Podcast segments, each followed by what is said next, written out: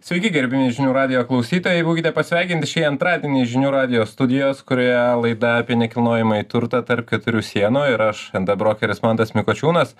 Šiandieną noriu pakalbinti du svečius, su kuriais kalbėsime apie tai, kągi patarti NT investuotojams šiandieną. Tokia opi problema, nes vis dėlto pinigus vis dar sparčiai graužia infliacija.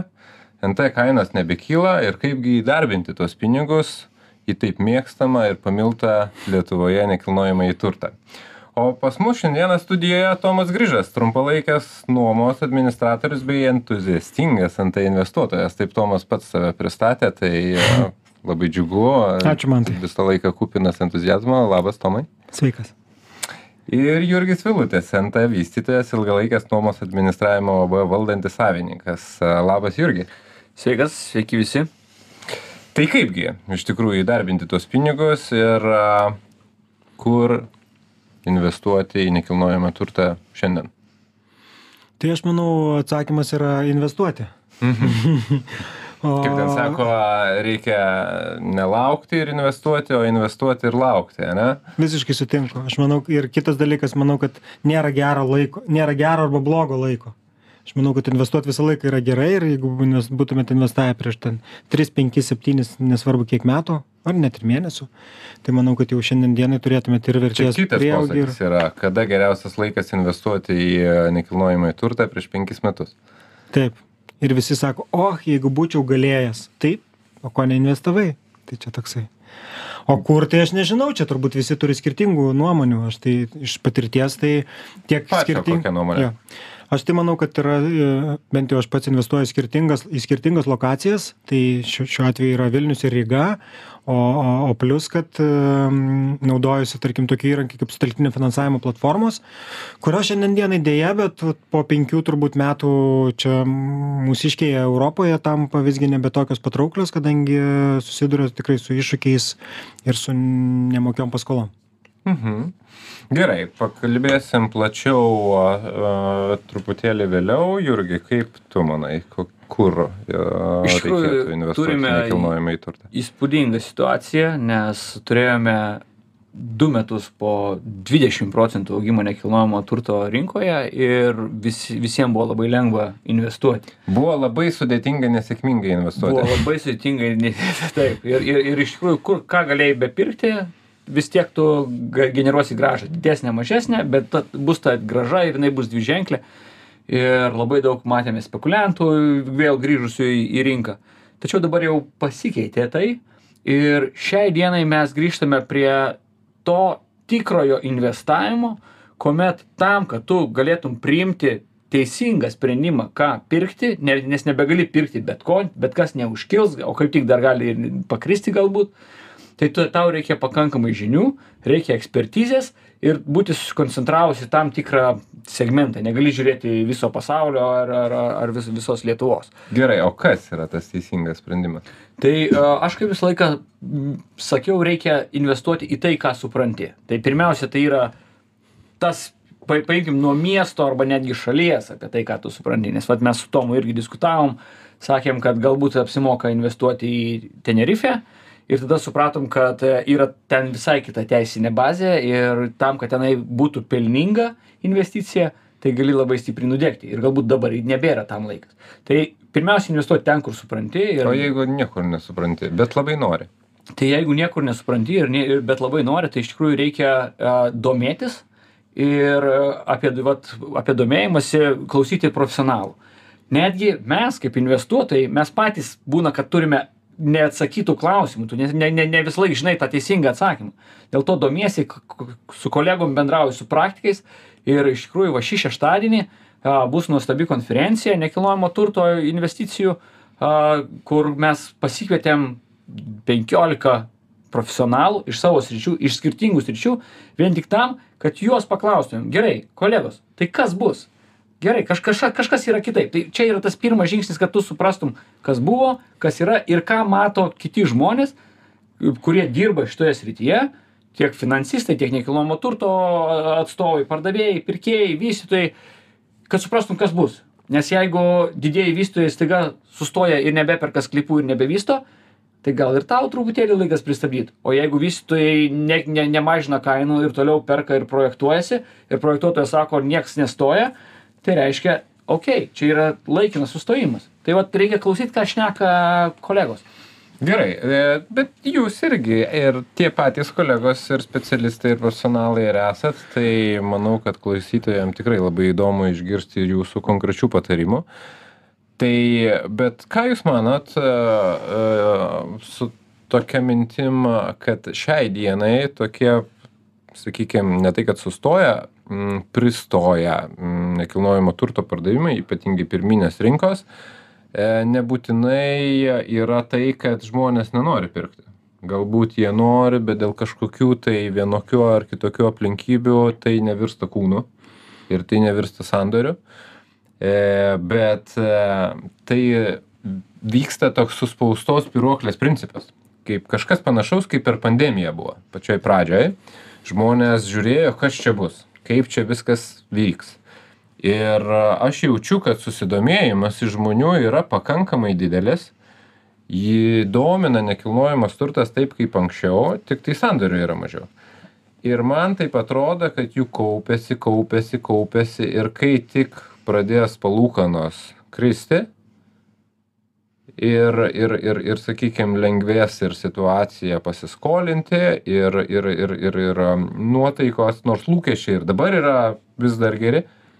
Ar nemanot kad viskas taip šaus į viršų kad vėl turėsim tą pačią situaciją kokią turėjom čia prieš po porą metų paeiliui? Realiai e, taip. Nauja statyba šiek tiek yra pristojęs pardavimas.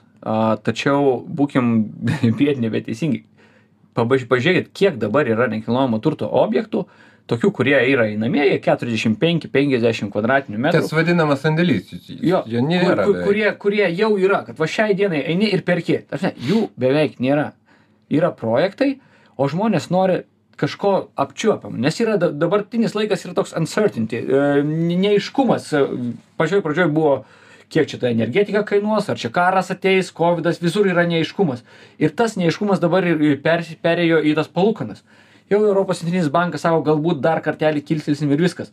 Tai jau artėja tas neaiškumas. Iš tikrųjų dabar ir yra geras laikas žiūrėti nekilnojamo turto investicijai nes nėra to bumo. Ir yra galimybė pagalvoti pamąstyti paskaičiuoti ir gauti gerą pasiūlymą iš banko kaip tarkim prieš e, pusę metų tu ateini e, derėtis su dėl būsto įsigijimo investicijai sako viskas jau ačiū jau man telefonu paskambino rankpinigius pervedė. Ta prasme dabar dabar yra ir pirkėjų laikas. pirkėjų laikas mes galime derėtis ir iš tikrųjų jeigu anksčiau išvis nevyko derybos su vystytojais dabar yra galimybė nusiderėti ar ten parkavimo vietą ar kažkokį apdailos pasiūlymą ar dar ta prasme ir yra galimybė dabar daryt ir vienas dalykas visi sako ai dabar gal ne laikas nes čia bankai kelia palūkanų normas. Dabar bankai kad ir kelia palūk tiksliau bankai nekelia palūkanų nor normų. Europos centrinis bankas pakėlė bankų maržos jos net sumažėjusios. Taip. Tu pasirašai pa paskolą trisdešimčiai metų už geriausią banko pasiūlymą. Jeigu pasižiūrėsi į bet kurį laikotarpį jeigu euriboras šauna į viršų per metus jisai krenta žemyn. Gal mes nebematysime nulio bet bus du procentai. Bet tu jau esi užsifiksavęs tą viens kablis septyni viens kablis aštuoni banko maržą visam likusiam gyvenimui. Tu esi apsaugotas. Plius ne gyvenimui kredito laikotarpiui bet kai kuriem kai kuriem tai lygu gyvenimui. Taip ir ir iš tikrųjų a pati iš tikrųjų jeigu kalbam mes apie investiciją tai jeigu dengia tau nuoma e, banko įmoka yra tobula. Jeigu dengia bent jau palūkanas yra gerai nes tai yra save išsimokanti investicija. Ir žmonės sako o tai čia dabar tarkim septyni šimtai eurų man reikia mokėti bankui ir ten šešis šimtus eurų gaunu iš nuomos. Taip dabar jūs septynis šimtus eurų mokėsite trisdešim metų prieš penkis metus tas butas kainavo nuomą penki šimtai eurų dabar se šeši šimtai eurų. Po dešim metų kainuos tūkstantis eurų o jūs vis dar mokėsit septynis šimtus eurų ir atlyginimai kils e, laikui bėgant infliacija vis tiek vis tiek jinai bus. Tai tas turtas kaip ir sa kaip ir sakei reikia reikėjo pirkt prieš penkis metus ir šitas kartojas kiekvienais metais ir kiekvienais metais tas nekilnojamas turtas būna brangus. Dar nė karto nemačiau kad nekilnojamas turtas būtų pigus per visą savo gyvenimą ir kai nekilnojamas turtas kainavo tūkstantis du šimtai eurų e, senamiesty ar ten e, stepono gatvėj už tūkstantį esam per už kvadratą nusipirkę. Ir tada buvo tas tūkstantis brangus dabar trys tūkstančiai eurų už kvadratą trys tūkstančiai yra brangu. Bus šeši tūkstančiai.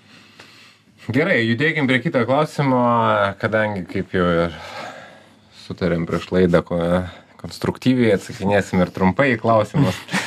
tai e, kokios gražos yra trumpalaikėje ir ilgalaikėje nuomoje, nes vat, esat e, savo sričių gurų ir, ir, ir, ir vienas atstovauja trumpalaikę nuomą, kitas ilgalaikę nuomą, tai vat įdomu, kokią gražą generuoja. Tai, imkim vidurkį, aš suprantu, kad būna įvairiausių, bet imkim vidurkį, e, kokios gražos gali tikėtis investuotojas ir nukreipęs tą būstą į trumpalaikę nuomą. Ja.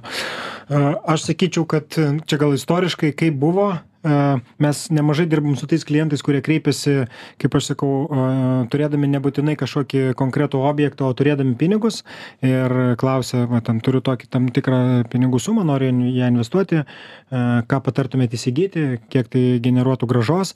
Tai aš nuo Vilniaus, kaip pasakyti, buvau nusisukęs vienu metu, kai E, ką bedarydavau vis tiek suskaičiuodavau keturis procentus ir man tada tiesiog žinai toks dingo sportinis interesas ir aš galvoju eikit sau su tais keturiais procentais nebeskaičiuosiu nebeieškosiu.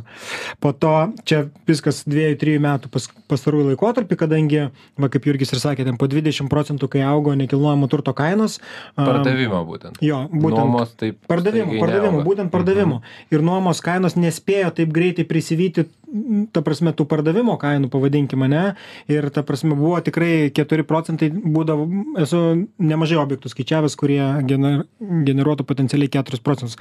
Dabar sakyčiau šeši procentai vilniui kaip tokiai europos sostinei tikrai yra logiška ir reali ir manau daugeliu atvejų matoma grąža jeigu kalbam apie centrinę miesto dalį tai būtent ta kurioje mes dirbame. Tai aš mhm. sakyčiau kad šeši procentai yra neblogai viskas kas virš šešių jau yra gerai.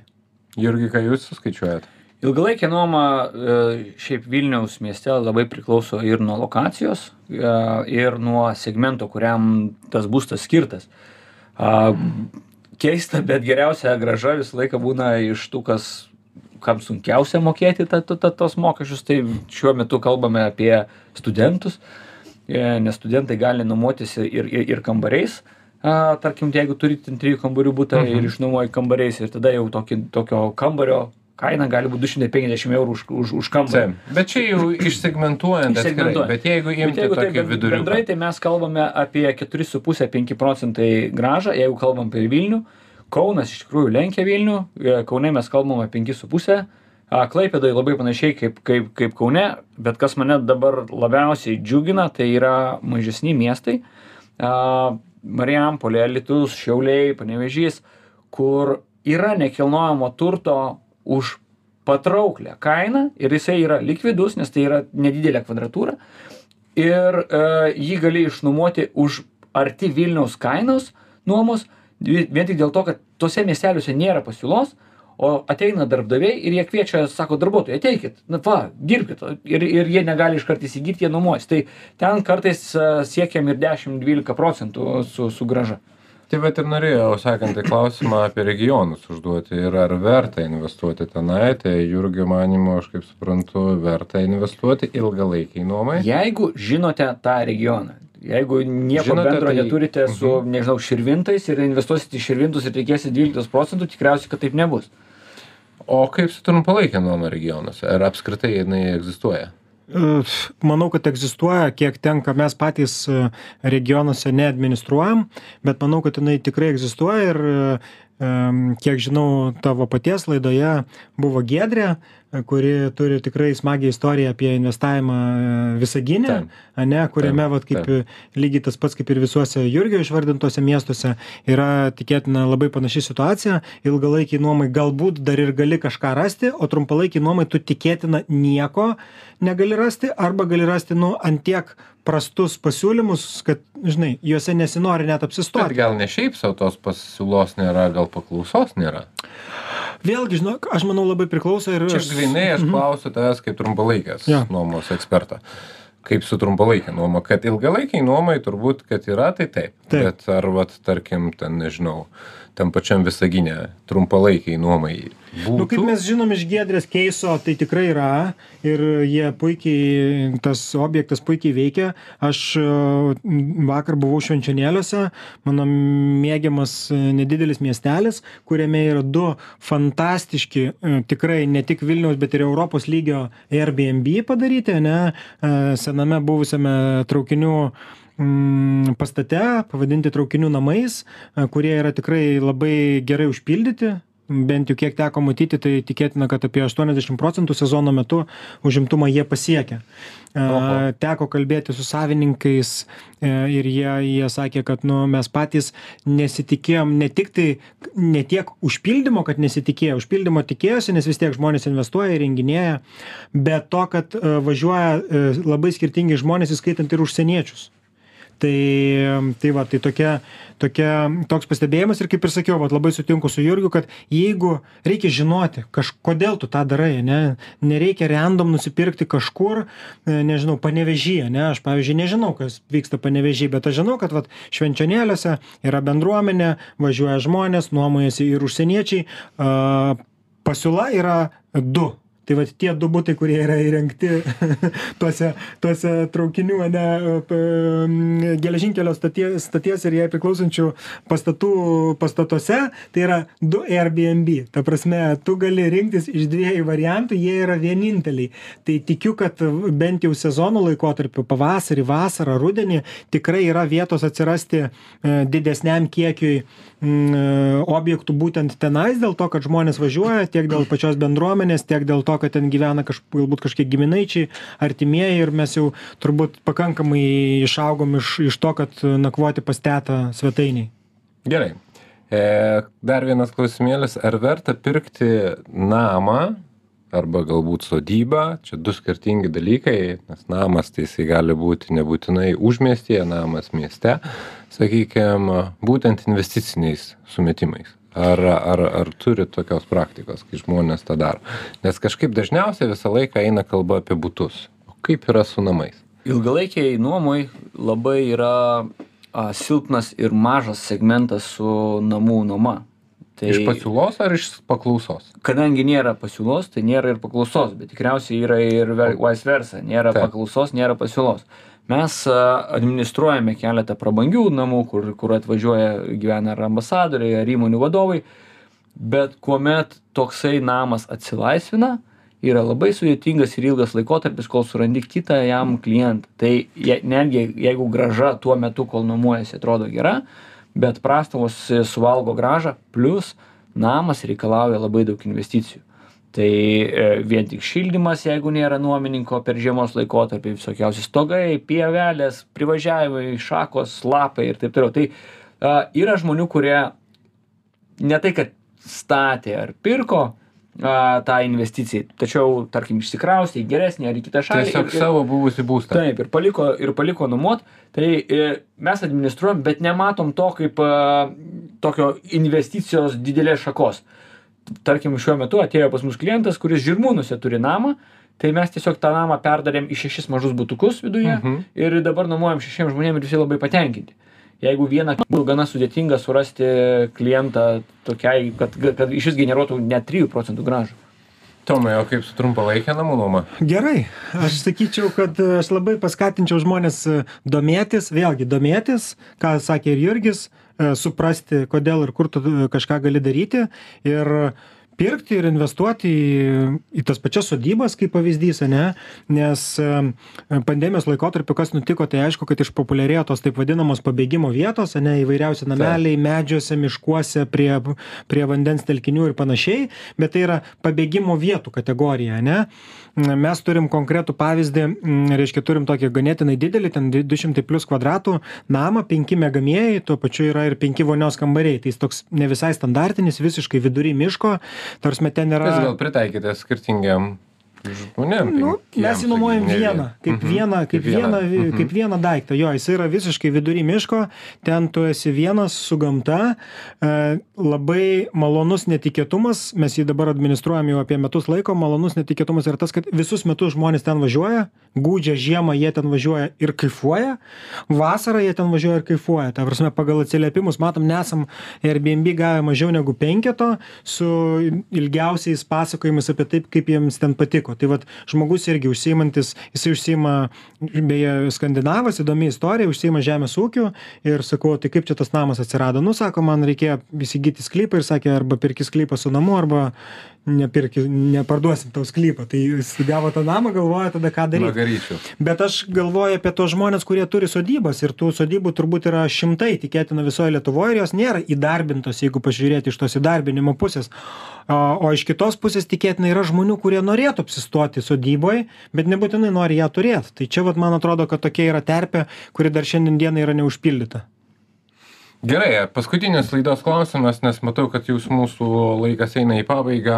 Palyginkim Lietuvą ir labai plačiai neimkim, paimkim senąją mūsų Europą, vakarų Europą, tas kurortinės šalis, kur ir patys lietuviai mėgsta nuvažiuoti, ta pati Ispanija, tas pats Kipras, Italija, Graikija galbūt. Kaip lyginant su tenai? Ta pati trumpalaikė nuoma, ta pati ilgalaikė nuoma, mes čia šitoje vietoje esam kažkokia, sakykime, proveržiai daranti valstybė, ar priešingai ten yra daug gilesnės tradicijos ir yra iš ko pasimokyti ir, ir, ir mes dar tik tai vejamės. Aš tai sakyčiau, kad e, paskatinčiau visus domi, vėlgi domėtis, čia turbūt mūsų vienas, viena iš išvadų ne šio pokalbio, ir drąsiai mm, investuoti, nu, kaip pasakyti, nesakau drąsiai investuoti galbūt, bet tiesiog investuoti arba įsigyti kažką, arba leisti daugiau laiko būtent skirtingose kad ir tos pačios Europos šalyse, kur turi, kurios turi tikrai įdomią ir istoriją, ir ten, nežinau, tiek pačios šalies istorija, tiek galbūt jos ten maisto istorija, tiek galbūt dar, dar kažkokia istorija ir neapsiriboti vien Lietuvą, čia kas liečia patarimus kažkokiems, tarkim, investuotojams. O, o, o manau, mes ką, ką tikrai Lietuvoje turim ir tikrai daug keliaujant tenka pastebėti, kad kokybės turbūt tokios kaip Lietuvoje, apdailos kokybės, įrengimo kokybės, tokio požiūrio į kokybę, nu nedaug kur tenka sutikti ta prasme jau nekalbant apie tą ispaniją kur išvis bet kaip viskas padaryta net ir net ir dažnai prabangiam segmente tai aš sakyčiau kad mes su kokybe ir su požiūriu į kokybę tikrai esam gerokai priekyje palyginti su daugeliu europos šalių Jurgi, kaip tavo? Iš tikrųjų, mane džiugina skaičiai tuos, kuriuos matau Europoje ir kuriuos matau Lietuvoje. Ir jeigu mes žiūrėsime į bet kurį segmentą, matome, kad įstojus Europos Sąjungą mes pradėjom artėti prie Europos Sąjungos vidurkio. Ir po truputį, po truputį mes pradėjom artėti prie Europos Sąjungos ir vidurkio ir su nekilnojamo turto nuoma. Europos Sąjungos vidurkis yra kažkas apie 46 procentus būsto yra žmonės nuomojasi ir vos virš 50 procentų turi nuosavą arba ten su banko paskolą. Lietuvoje tuo tarpu mes turime vos 11 procentų. Buvo 10 prieš porą metų, jau dabar 11. Tai tas nekilnojamo turtas vis bus perkamas nuomai ir žmonės investuos į tuos pinigus, e, pinigus į, į nuomą ir tų nuomininkų vis daugės ir, ir ta graža bus. Plus, žiūrint, kokios dabar pas mus yra a, pensijos, tai aš pasakysiu, jeigu jums yra 30 metų ir dabar nusipirksit butą, kad ir bet kokį prastą, tai kai išeisit į pensiją, gausit iš nuomos daugiau negu, negu, negu, negu pensijos.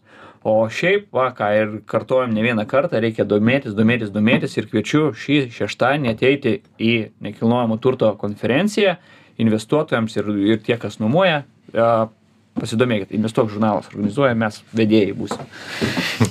Gerai, aš tai paskatinsiu žmonės įdarbinti pinigus, nes labiausiai turbūt liūdina tada, kai tu matai, kad tie pinigai yra graužiami infliacijos ir neįdarbinami iš baimės, iš nežinojimo, iš pasitarkit, jau geriau įsigykit kažką, kažkaip įdarbinkit, tikrai e, specialistai padės, patars, e, blogiausiu atveju kažkaip patars, ką su tuo nekilnojamu turtu daryti, Arba jisai, nedaryti. Ar, taip, arba nedaryti, kad jisai uždirbtų pinigus. Kaip sako, ką veikia pinigai banko sąskaitai? Guli ir verkia. Taip, tai bet čia aš manau, kad dar Lietuva turi daug neišnaudoto potencialo šito klausimo. Tai ačiū Tomui Grįžui, trumpalaikės nuomos administratoriai bei entuziastingam NT investuotojai, kad buvo pas mus šiandien. Ačiū tau, man tai. Ir ačiū Jurgiui Vilučiui, NT vystytojui ilgalaikės nuomos administravimo UAB valdantis savininkui. Ačiū Jurgi. Ačiū už kvietimą. O aš NT brokeris Mandas Migočiūnas šiandien atsisveikinu ir susigirdėsime kitą antradienį. Viso geriausio.